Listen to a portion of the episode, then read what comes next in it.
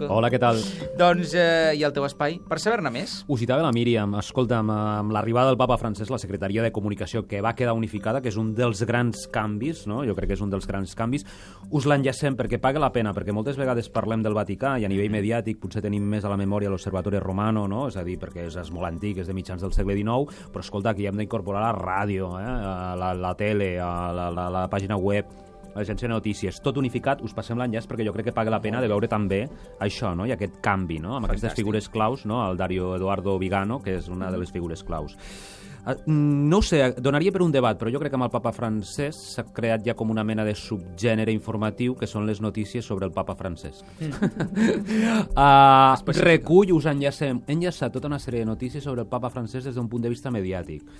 Quin és el paper, per exemple, de l'Església davant les xarxes socials? Hi ha de ser, no hi ha de ser, de quina manera hi ha de ser, etc. L'aparició del papa francès, com ha d'aparèixer, com no ha d'aparèixer. Quantitat de notícies que parlen sobre el que ja, ja batejo aquest subgènere informatiu no? del papa francès mediàtic. N'hem anat recollint a nivell internacional molt interessants, mm -hmm. molt interessants perquè totes estan enfocades des d'un punt de vista mediàtic. I escolta'm, fem una mirada en el temps, mirem en el retrovisor, un article interessant el Vaticano II y los medios de comunicación a los 50 años de Inter Mirifica.